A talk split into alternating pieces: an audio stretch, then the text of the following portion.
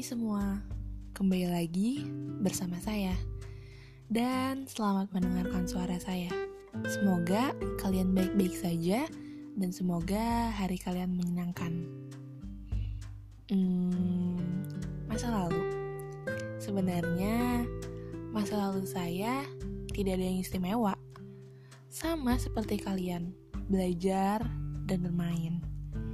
Tapi pada saat itu tiba-tiba saya dapat sesuatu hal yang mungkin kurang masuk akal untuk dipikirkan orang yang normal. Um, di mana anak umur 12 tahun tiba-tiba punya pikiran untuk jatuh cinta. Mungkin untuk zaman sekarang hal itu udah hal biasa. Tapi pada saat saya masih kecil, itu hal yang tidak mungkin terjadi. Karena kita masih sekolah dasar pada saat itu. Saya dan dia satu sekolah. Rumah kami bisa dibilang tidak terlalu jauh ataupun dekat. Um, memang saya dan dia kadang suka main bersama.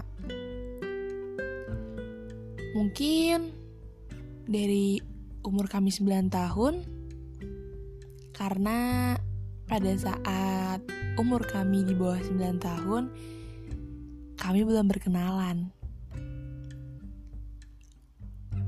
Hmm, sebenarnya saya tidak confess perasaan saya padanya saat itu.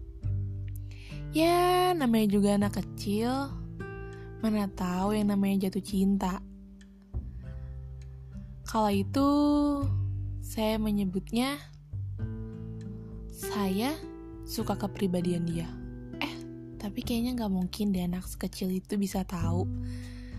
Jadi saya pikir itu saya hanya suka bersahabat dengan dia dan tidak lebih dari teman. Dan singkat ceritanya, kita berpisah karena kita lulus sekolah, sekolah dasar. Kita sudah lulus dan masuk SMP yang kita inginkan masing-masing. Sampai saat ini, saya tidak pernah bertemu dengannya lagi. Entah saya yang hilang kontak dengan dia atau sebaliknya. Sebenarnya, sekolah saya atau teman-teman saya suka ada reuni. Tapi saya tidak pernah datang. Ya, kalian tahu kalau saya tidak suka keramaian. Mungkin pada saat itu dan jika saya datang, saya akan bertemu dengannya. Tapi saya melewatkan kesempatan itu. Kalian pasti bertanya, apakah saya menyesal tidak pernah bertemu dengannya lagi? Jujur, untuk pada saat itu, ya saya agak sedikit menyesal karena saya tidak bertemu dengannya lagi. Bukan, bukan tentang saya kangen sama dia, tapi saya ingin tahu bagaimana dia tumbuh dewasa dan apakah dia masih sama seperti terakhir kali kita bertemu. Itu yang saya pertanyakan di otak saya, di pikiran saya. Saya senang bisa kenal dengan dia, tapi saya sedih karena saya tidak berpamitan padanya dengan benar. Dari situ, dari masa lalu itu saya tahu bahwa tidak semuanya tidak semua masa lalu itu harus dilupakan. Entah itu masa lalu yang indah atau yang menyakitkan.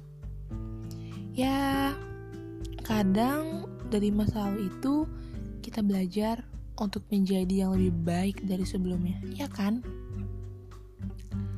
Tapi kita harus tahu bagaimana caranya berdamai ketika masa lalu itu datang lagi.